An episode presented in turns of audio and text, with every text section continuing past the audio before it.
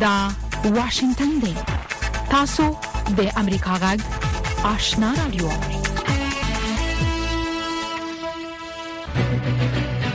قدرمن اوریدونکو السلام علیکم زه شافیا سردار یم دا د امریکا جغ آشنا رادیو خبرونه پیل شوه لومړی به خبرونه واوري ویان احمد الله ارچیوال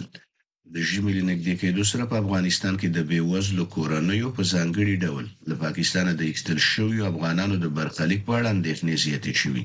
د ملګروملتونو د خوړو نړیوال پروګرام، WPY، له پاکستانه ایستل شوي وي اسناد افغانان د لږو امکاناتو له کبله سخت ژمی په مخ کې لري.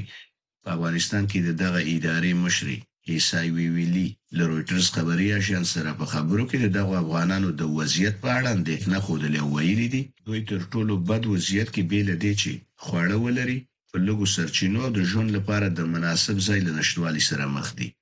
له پاکستانه د بې اسناده افغان کډوالو د ویستلو د لړۍ په چټکتیا سره د پاکستان د حکومت له خوا له هغو افغان کډوالو څخه چې له پاکستانه لوېدیځو هېوادونو ته لېږدول کېږي د سلګونو ډالرو د اخیستلو یوې بلې پرېکړې د دغو کډوالو اندېښنې زیاتې کړي. د پاکستان د حکومت د دغه پرېکړې له مخې هر هغه افغان کډوال چې د ویزې یا قانوني اسنادو له ختمېدو وروسته په دغه هېواد کې په ناقانونه توګه پاتې کېږي، باید اته سوه دېرش ډالره جریمه یا د وتلو فیس ورکړي. یاد افغان کډوال چې د طالبانو له وېرې له افغانستانه وتلي او دا مهال یې د کډوالۍ دوسیې تر څېړنې لاندې دي، وايي، د دومره لویې جریمې د ورکولو توان نه لري. د جرمني یوې غیر دولتي موسسې ویلي چې په افغانستان کې یې د طالبانو کسانو څلور کارکوونکي نیولي او دا پېښه په افغانستان کې تر بلې خبرتیا پورې د دوی د فعالیتونو د ځنډېدو لامل شوې. د نړیوالې همکارۍ لپاره د جرمني ټولنې یا جي زېډ پرون ویلي، څلور نیول شوي کارکوونکي یې افغانان دي چې په افغانستان کې یې عملاً کار کاوه په اعلامیه کې د جرمني د پرمختیا فدرال وزارت د ویاند په وینا ویل شوي چې دوی له ټولو کانالونو په استفادې د خپلو دغو څلورو کارکوونکو د خوشې کېدو هڅه کوي. په هند کې د افغانستان سفارت سر له ننه په بشپړ ډول وتړل شو. دا خبره د یاد سفارت په یوه اعلامیه کې راغلې او لامل یې د هندي حکومت فشار او د ډیپلوماټیک ملاتړ نشتوالی په ډاګه کړی. د سفارت په اعلامیه کې راغلي، چې وار له مخه یې د اکتوبر له لومړۍ نېټې په هند کې خپل فعالیتونه ځنډولي وو او هیله یې درلوده، چې د هند حکومت داسې یو دریځ غوره کړي، چې د دوی د فعالیتونو د دوام لپاره اغېزمن تمام شي. سفارت ویلي، چې برعکس، په دې وروستیو اته اوونیو کې د کنټرول د پرېښودو لپاره دواړو لوریو هندي حکومت او طالبانو تر فشار لاندې راوستي وو، او بالاخره له یوه ستونزمن انتخاب سره مخ شو. بلخوا د جرمني شاوخوا پنځه سوه پولیسو په هغو سترو عملیاتو کې برخه درلوده چې د دوو منل شویو فلسطیني سازمانونو پر ضد ترسره شول. د جرمني د کورنیو چارو وزارت په وینا، په دغه هیواد کې د یوویشت پلټل شویو مرکزونو کې یوازې دیارلس په برلین کې دي امریکا او اروپا د حماس تونلارې ډله ترهګر سازمان ګڼي. د جرمني پولیسو د دې تونلارې فلسطیني ډلې او په جرمني کې د فلسطیني بندیانو د ملاتړ شبکه سمیدون په څلورو شمالي او شمال غربي ایالتونو کې تر برید لاندې نیولې ده. د روسیې دفاع وزارت نن ویلي چې د هوایي مدافع دستګاوو یې د اشغال شوې کرایمیا او د جنوبي سیمې، ولګوګراد پر پېزا د اوکراین شپاړس بې پیلوټه الوتکې نسکورې کړي. د روسیې دفاع وزارت په خپل ټیلګرام کې د نورو جزییاتو له ورکولو پرته لیکلي، دغه الوتکې یې تر ویشتلو وروسته ویجاړې کړي دي. دغه ادعا په بې پرې ډول نه ده تایید شوې او اوکراین هم په دې اړه تبصره نه ده کړې. د ایران د بشري حقونو یو سازمان وايي، تهران پرون یو ځوان د امنیتي ځواکونو د یوه غړي په وژنې تر محکومولو وروسته په پټه اعدام کړی. دغه پوځي د دوه زره دوه ویشت کال په نومبر میاشت کې د پراخو اعتراضونو پر مهال وژل شوی و. په ایران کې هغه اعتراضونه د پولیسو په توقیب کې د مهسا امیني تر مړینې وروسته پیل شوي. دا و د دې ساعت خبرونه چې تاسو ته په واشنګټن کې د امریکا غږ له سټوډیو وړاندې کړل.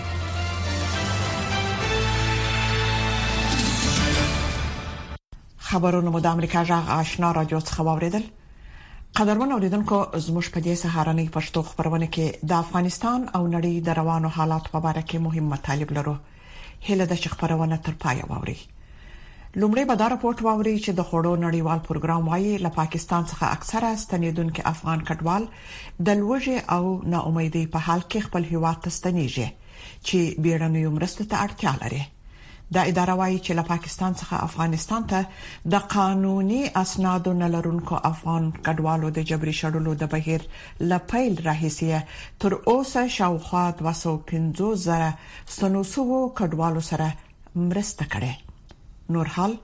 د اکرام شنواری پر رپورت کې واوري د خوړو نړیوال پروګرام وایي چې له پاکستان څخه د افغانستان سرحد ته د ستنیدونکو یو میلیون افغان کډوالو سره د مرستې لپاره د بودیجې د سخت کمبود سره مخ دی دغه پروګرام د افغانستان د دفتر ویاند ضیاءالدین صافي رسنیو ته په وسولي ویډیو پیغام کې ویلي چې له پاکستان څخه د افغانستان سرحد ته اکثره ستنیدونکو کورنۍ په ډېرې بیوزلۍ او ناامیدۍ کې ستنیږي چې بیرنۍ وبرسو ته اړتیا لري پروګرام غذایی جهان به افغان‌هایی که از پاکستان بازگشتند کمک‌های غذایی اضطراری ارائه می‌کنند اکثر این خانواده ها توانستند فقط مقداری از نان برای سفرشان بسته‌بندی کنند و در حالی که گرسنه ناامید و نیازمند حمایت هستند به کشورشان برگشتند زمانی که این خانواده ها در مرز میرسن ما به آنها بسکت های غنی شده میدهیم و پس از ثبت نام توسط سازمان بین المللی مهاجرت برای خریداری مواد غذایی و یا سایر نیازهای اساسیشان برای آنها پول نقد ارائه میکنیم. د خوړو د نړیوال پروګرام د ویاند ضیاالدین ساپي د معلوماتو له مخې دغې ادارې تر اوسه دوه سوه او پنځوس زره ستانه شوو کډوالو سره د خوراکي توکو او د ملګرو ملتونو د مهاجرت نړیوالې ادارې د نغدو پیسو مرستې کړي. در این ماه پروگرام غذایی جهان تقریبا به 250 هزار عدد کنندگان کمک کرده است اما با زمستان سخت پیشرو و بحران مالی گسترده پروگرام غذایی جهان بقای این خانواده ها در خطر است ما برای کمک به یک میلیون عدد کنندگان برنامه ریزی شده در مرز و برای زنده ماندن آنها در زمستان پیشرو در مناطق بازگشتشان نیاز فوری به بیست و هفت اعشاریه پنج میلیون دلار داره. افغانستان لپاره د خوړو د نړیوال پروګرام د دفتر مشرې میرمن شا ویلي ویلي چې ستنېدونکې کورنۍ په یو ډېر نامناسب وخت کې خپل هیواد ته په داسې حال کې ستنېږي چې د هیواد د نفوس د دریو څخه یو برخه وګړي په دې نه پوهیږي چې بل ځل خواړه به له کوم ځای څخه ترلاسه کوي میرمن لی افغانستان کې ویجاړونکې زلزلې کمزوري اقتصاد او د اقلیم بحران ته په کتنې ویلي چې پاکستان څخه افغانستان ته سریدونکو یو میلیون کډوالو سره د مرستې لپاره ویش شل پنځه میلیون ډالرو ته په بیړني ډول اړتیا لري د خوړو د نړیوال پروګرام د رئیس د وینا پر اساس سریدونکو کډوال ډیر کم اقتصادي فرصتونه په مخ کې لري او اکثره غوي د ژوندۍ پاتې کېدو لپاره هڅه کوي د خوړو نړیوال پروګرام د دغه پیسو د برابرولو د غوښتنه په داسې حال کې کړې چې دغه پروګرام په ګډون په افغانستان کې د ملګرو ملتونو اکثره ادارې د بودیجې د کمبود سره مخ دي د بودیجې د کمبود لامل د روان 2023م کال د 13 اگست په میاشت کې د خړو نړیوال پروګرام دې تاړ شو چې په افغانستان کې د لس میلیونو مرستو تاړو افغانانو باندې خپل مرستې بندې کړي د دې ونې په سر کې د بشرپاله مرستو په برخه کې د ملګرو ملتونو د عمومي منشي مرستيال اعلان وکړ چې له پاکستان څخه ستنېدونکو افغان کډوالو د لومړنۍ اړتیاو د پوره کولو لپاره یې لس میلیونه ډالر ځانګړي کړي دي. د پاکستان حکومت د اکتوبر د میاشتې په دریمه له دغه هېواد څخه د یو اعشاریه اووه میلیونو قانوني اسنادو نه لرونکو کډوالو د ایستلو پرېکړه وکړه او دغه کډوالو ته د نوامبر د میاشتې تر لومړۍ ورځې مهلت ورکړ چې له دغه هېواد څخه ووځي او که نه له ټاکلې نېټې وروسته به ونیول شي او خپلو هېوادو ته به واستول شي. ملګري ملتونه وایي چې د افغان کډوالو د ایستلو د بهیر له پیل څخه تر اوسه 315 افغان کډوال له پاکستان څخه خپل هیواد ته ستانه شوي خو د طالبان حکومت ویاند ذبیح الله مجاهد له پاکستان څخه د ستنیدونکو افغان کډوالو شمېر له 300 زرو څخه زیات ښیي انتظار پای ته ورسید ترنو لیدونکو او اوریدونکو تاسو کولی شئ د امریکا غا ټلویزیونی او رادیوي خبرونه د یاشر ساتلایت له طریقو وګورئ او واوري د نوي سټلایټ لارې تاسو د آشنا اتصال او کاروان ټلویزیونی خبرونه کتلای هم شئ د امریکا غږ د افغانستان څنګه خبرونه په 398 چنل او د آشنا رادیوي خبرونه په 398 چنل کې اوریدلای شئ لملتيامو د تل پشان مننه د امریکا غږ آشنا رادیو څخه تاسو زموږ د خبرونه اورئ په داسې حال کې چې د روسیې مرکزي بانک په روان کال کې څلور وارې د پورونو رانیولو د سود نرخ لوړ کړ او د انفلاسیون لوړه کچه هم هغه پر خپل حال ده روسي صرافین له ډیرو سختو ستونزو سره مخامخ شوي دي د مسکو څخه د امریکا جغ خبريال درالېږلي رپورت خلاصه سید سلیمان شاه تاسو ته دراوړې وې. د دولت د احصایوي خدماتو دفتر یا روسات چې سږکال د نومبر په لومړۍ نېټه کوم اعداد خپاره کړي ښیي چې د دوه زره دوه ویشتم میلادي کال په پرتله سږکال د ځینو خوراکي توکو نرخونه په فوق العاده توګه لوړ شوي دي. کله چې یوې ژورنالیستې د مسکو په یوه سوپر مارکېټ کې د لیلیا په نامه له یوې اویا کلنې روسۍ مېرمن نه تپوس وکړ چې ایا عواید دې کفایت کوي، هغې ورته په روسي ژبه په ځواب کې وویل، نیت کانیشن نیت نه بالکل نه لما سره می کوچنیان مرسته کوي د کوچنیانو لمرسته پرته زپدې نه پوهیږم چې څنګه به خپل کرایه پوره کوم او یا به خوراکي توکي رانیسم په داسې حال کې چې د روسي اقتصاد د اوکران پر خلاف د پوځي عملیاتو او پر هغه هواد باندې د لویدیزو قدرتونو لخوا لګول شو بندیزونو فشار احساسي مرکزی بانک د انفلاسیون د کنټرولولو او روبل د تبادلې د بیع د ثبات په غرض سکهال څلور ځلې د بانکونو د سود کچه لوړه کړه یو بل روسي میرمن روکزانا ګیلټکو چې د مسکو په دغه سپرمارکټ کې سودا رانیوله د وی پښتنې په جواب کې ویل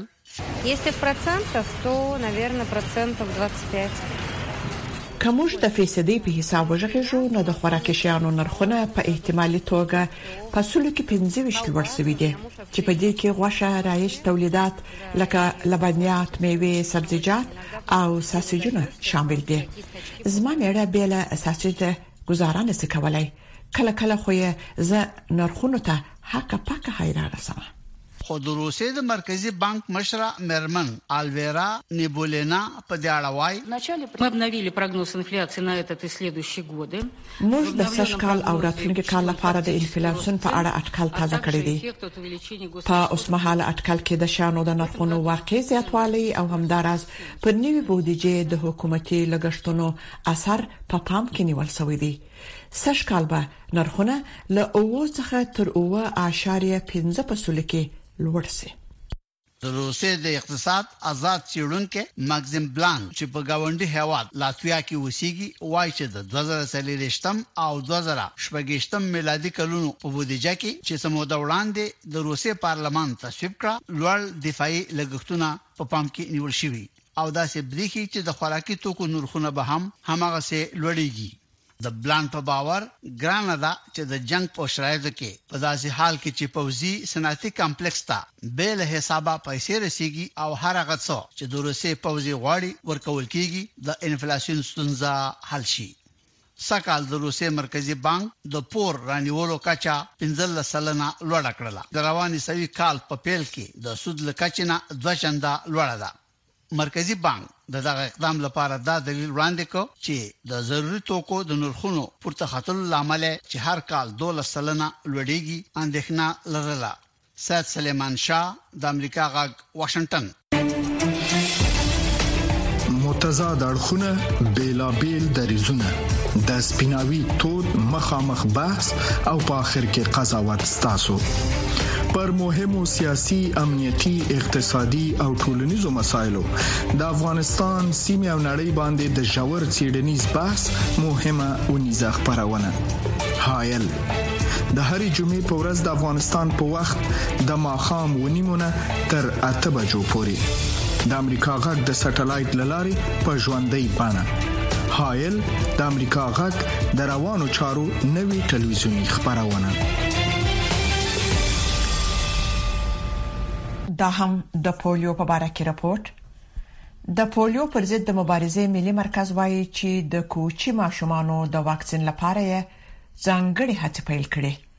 د هوا په تغیر سره زرګونه عبوري کوچیان د کندهار او هلمند ولایتونو څخه تودو سیمو ته کوچ پیل کړی دی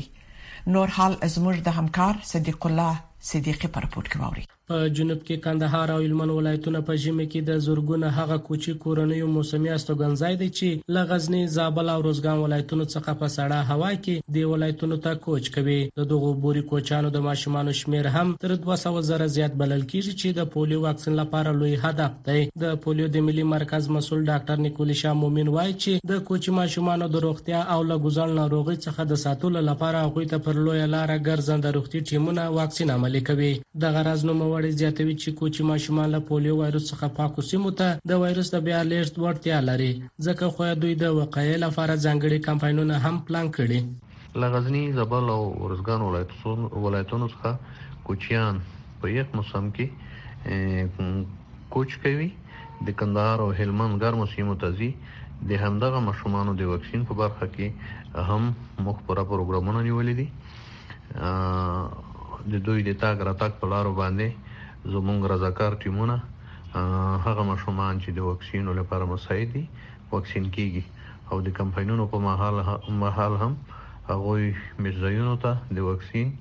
اړوند ټیمونه ورځي ترڅو د هغې ماشومان واکسین کړای شي. که څه هم د کوچانو لپاره په لوړه کچه روغتي اسانتیاوو په برخه کې د روغتي امکاناتو د کموالي یادونه کېږي، خو روغتي مسولین وايي چې دوی د نورو روغتي اسانتیاوو په ګډون د واکسینونو خدمات له هر روغتي کلینیک څخه ترلاسه کولای شي. دا چې په دې اړه خپله کوچیان څومره پوهاوی لري په اړه یې جان محمد کوچی داسې وایي. اووه منه پلې واکسین ورکوو په دې خاطر چې زموږ کوچنیان له ګوزڼ او له پلې له ناروغۍ څخه وساتل شي. کرې منه اووه اته کاله کېږي چې دا واکسین منه ورکوو او تجربه کړی مو ده ډېره ګټه کړې ده. په تېرو کلونو کې د ځايي ماشومانو په څېر په کوچي ماشومانو کې هم د پولیو ناروغۍ کچه لوړه وه خو له تېر کال راهیسې کومه پېښه پکښې کې نه ده لیدل شوې.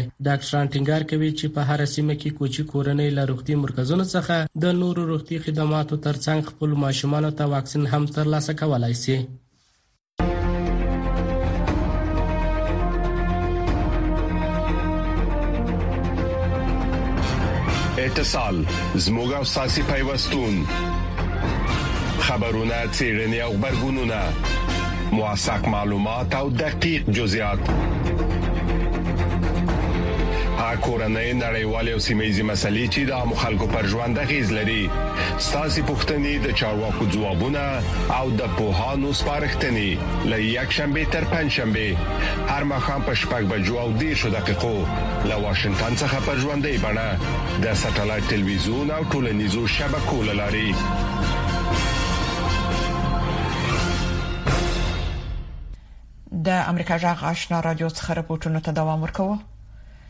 د پاکستان څخه د افغان کډوالو د راستنیدو سره یو هم د زابل ولایت دی چې د شمال زول لارې زیات کډوال هیوا ته راستنیږي خو چارواکي وایي د ګوزن واکسین په برخه کې لازم تدابیر نیول دي لدې لارې د راستنیدونکو کډوالو سره د ګوزڼ وایروس ویره ځکه زیاته ده چې د ډیورن کرښې هې غاړې ته تازه پیښې او وایروس ثبت شوی دی فرشته هوتک په دې اړه کې رپورت لري په دې وروستیو کې چې پاکستان افغان کډوال په جبر سره خپل هیواد ته را لېږلي په ډیورن کرښه له بېلابېلو لارو دغه بهیر روان دی چې د زابل د شمال ځایو لاره هم د کډوالو د راتګ دروازه ده په زابل کې روغتیايي مسؤلین وایي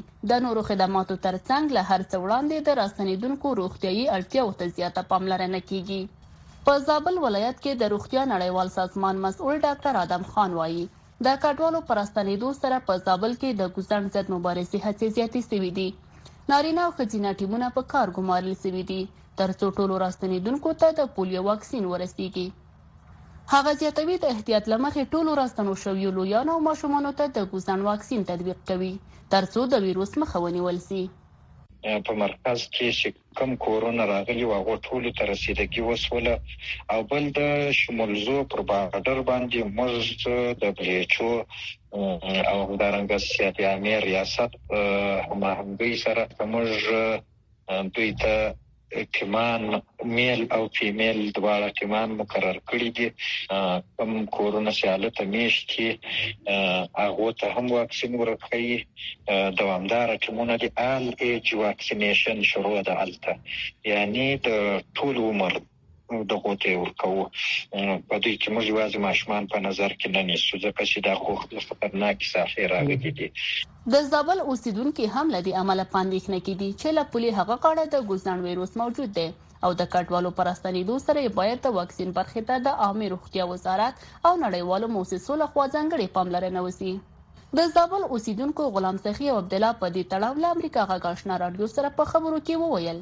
نور سیمې ته کډوال راغلي ډېر تقریبا څلوېښت پنځوس کډې راغلي ډېر اندېښمن یو دا به خامخا دی سره دا ناروغي دلته به راوړي دا زموږ سیمې ته نه دا باید د دې مخنیوی وشي د موسسات حکومت دا باید دا د پاره معنا واکسینونو دا شان آماده کی معنا نسان او ډاکټران دا په کار واچي د پولیو خطرونه خو خه لازمی راوړی دی دا خو ندی په لکونه انسانان چه راغلی دی لازمی لری او داسی غریبانان خلک دی ټوله داسی وری یی علاج ندی سوی خامخا راوښتی دی نو موږ خامخا اندیښمن یو ددغه څه چه دا ناجوړی به خامخا دلته دا خلک راوړی نو حکومت دی ددغه غور وکی خامخا دی علاج وکی. په زابل کې ډاکټران بیا له خلکو غواړي چې روغتیايي لارښوونې مراعات کړي او ماشومانو پاکوالي او چاپیریال ته ځانګړې پاملرنه وکړي ترڅو ویروسونه په ککړ چاپیریال کې وده ونه کړي ډاکټر جمیل احمد قادری امریکا غاک سره په خبرو کې وویل خلک باید واکسین ته زیاته توجه وکړي چې په دې سره د ناروغیو مخه نیول کېدای شي خلک دې د خپل ماشومان او کور شاوخوا چاپیریال پاک وساتي او راغلو کډوال ته باید ټول خلک توصیه وکړي چې ترڅو د پولیو او نورو ناروغیو د واکسینونو تطبیق کړي موږ له پولیو څخه یوازې په واکسین کولو سره ان شاء الله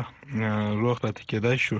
ځکه چې دا زموږ د ماشومان او راتلونکي نسل لپاره ډېر ګټور تمامېږي کډوالو ته د راستنېدو پر مهال په ټولو دروازو کې د واکسین ښه تدابیر نیول شوي دي خو غوښتنې دا دي چې کله دوی خپلو ولسوالیو او مینو ته ستنېږي باید تر جدي تعقیب لاندې ونیول شي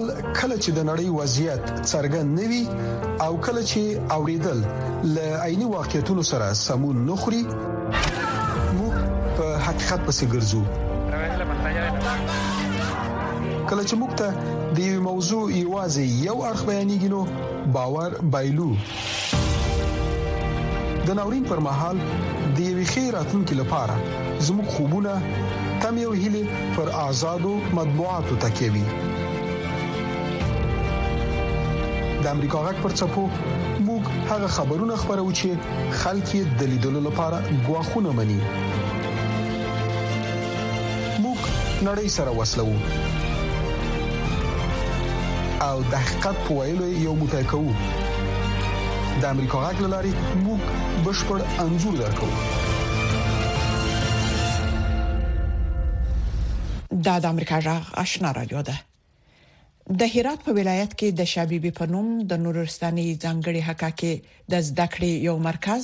چې درې کاله مخکې جوړ شوی، اوس په کې هغه نجونې زده کړې کوي چې طالبانو یې ښوونځي او پوهنتونونه تړلي دي. زموږ خبریال ذبیح الله غازي په دې اړه رپورټ تیار کړی. هرات کې د نورستاني حکاکۍ دا مرکز هغو نجونو ته په لرګینو توکو د حکاکۍ هنر ور زده کوي چې له تېرو دوو کلونو راهیسې په ښوونځیو او پوهنتونونو کې له زده کړو منع شوي. دا مرکز درې کاله مخکې جوړ شوی او اول پکې صرف هغو نجونو ته داخله ورکول کېدله چې ښوونځیو او پوهنتونونو کې نه وو، مګر دوه کاله مخکې یې برعکس هغو نجونو ته د لومړیتوب فیصله وکړه چې طالبانو پې د تعلیم دروازې تړلي. به او دوره کې بود ما شاګردای که داشتیم کسای بودن که. زموږ د تیرې دورې شاګردان هغه نجونې او میرمنې وې چې زده کړې یې نه کولې یعنی زده کړې ترې پاتې شوې وې نو موږ سره یې به یې کار کاوه مګر بدبختانه باید ووایم دا ځل موږ هغه زده کوونکي نیسو چې هغوی په پوهنتونونو او مکتبونو کې وي او زده کړې د بندیز لامل نیمګړې پاتې شوې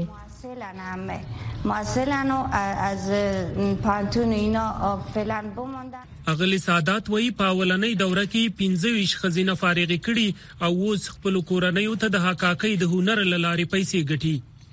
وایي اوس زده کوونکي لګ دي خو هڅه کوي چې خزینه طبقه ته لا ډیر کار وکړي مدینه درویشي چې له دولسم فارغه شوه، نو د طالبانو حکومت له شپږم پورته ښوونځي او پوهنتونونه وتړل. وايي، لکه د نورو همزولو په رواني رنځ اخته شوه او ښه شو چې اوس د پام اړولو له خاطره په دې مرکز کې هنر زده کوي. مکتبونه بند وو، اکثره جینکو رواني ستونزې پیدا کړې وې،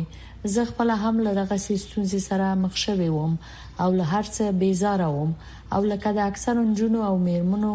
زړه نه کیږي چې چیرته ولاړې شي نو ما غوښتل چې دلته راشم او نورستاني حکاکي زده کړم.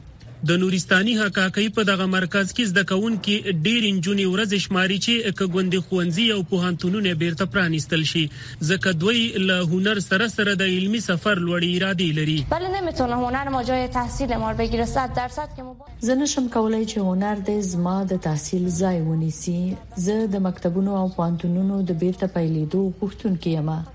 زه د ټولو تعلیمي ادارو بیرته پیلېدو غوښتونکې یم ځکه تعلیم لدې څخه غټ هدف دی او ډیر تاثیر لري. د حکاکۍ د مرکز مشرې امریکا غږ ته وویل چې دوی ځکه د نورستاني حکاکۍ د زده کړې مرکز پرانیست چې دا له کلاسیکې هغې سره متفاوته ده او ډیر پام پکې هندسي شکلونو ته کیږي او د جوړولو وسایل هم متفاوت او ځانګړي دي. د امریکا جغ آشنا رادیو څخه رپورټونو ته دوام ورکوو. د هرات په ولایت کې لمرګوني او خونړۍ زلزلې یوه نیمه میاشت تیریږي او زلزله ځپلي شکایت کوي چې د ژمي له پیلیدو سره یې ژوند لا سخت شوی دی. دوی وايي د دې ترڅنګ چې حکومت، موسسو او مرستندوی بنسټونو لومړنۍ مرستې ورسره کړي، خو په دښته کې سړې هوا د دوی ماشومان په ناروغۍ اخته کړي دي. نور حال په دې راپور کې په هرات کې د زلزلې ځپلو کورنیو غړي وایي چې له سړې هوا او د خوراکي توکیو برابرولو لپاره د امکاناتو لنشتوالي ځوريږي دوی وایي د خیمو په داخل کې ډوډۍ نه پخېږي او د برېښنا د نشټوالي لامل له برقي منقلونو نه استفاده ناممکن ده او د خیمو د باندې هم د لرګیو یا غاز کوم تنور نه لري اینا خوب مو بدادم اونا هم کای جور میکنه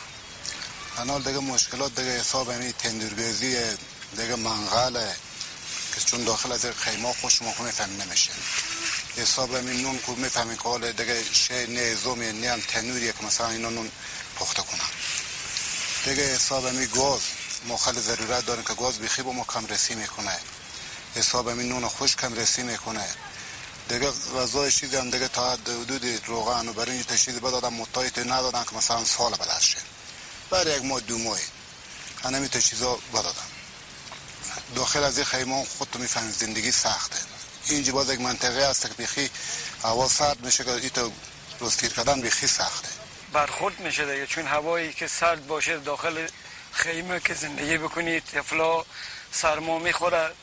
شبها هوا سرد میشه داخل خیمه هیچ تاب طاقت نمیاره هوا سرد ده یکی دو دفعه تا این بچه ها مریض شده. بلخوا په زنده جان ولسوالۍ کې د زلزلې له امله د ویجاړو شویو کلیو یو شمېر د ښوونځیو زده کوونکي وايي چې د کتاب، کتابچې، د کتابونو لپاره د بکسونو او ښوونځیو ته د ودانۍ له نشتوالي سره مخ دي. مکتب ما خراب شد حال داخل خیمه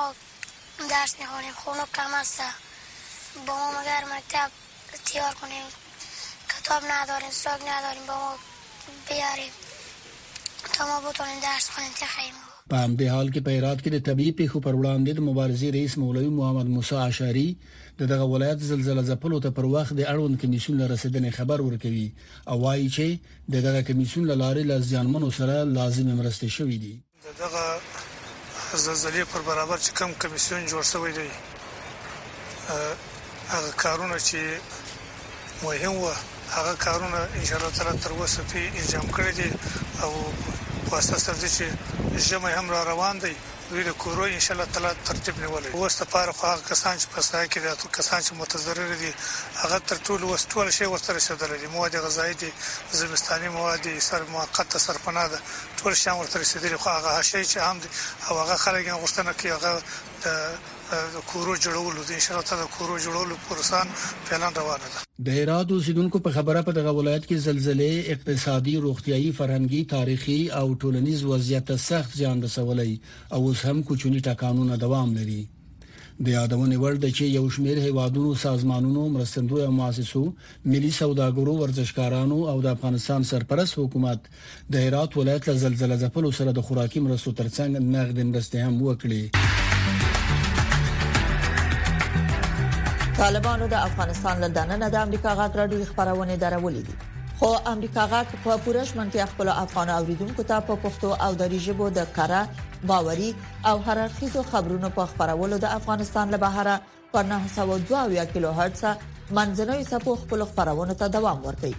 د دې ترڅنګ تاسو کولی شئ چې زموږ پښتو خبرونه په لاندو چپو هم واورئ پښتو سهارنې خبری خبرونه پر 2290.0 چپو اوریدل شي ما خبرنې پښتو خبرونه په 2140.0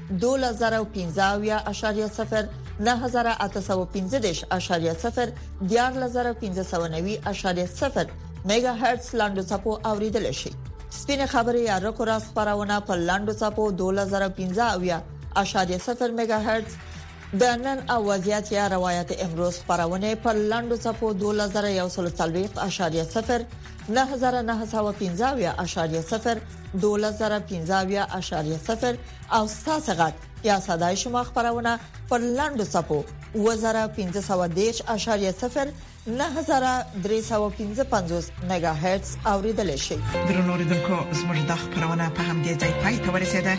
د امریکا جغ آشنا را دوه خبرونه دوام لري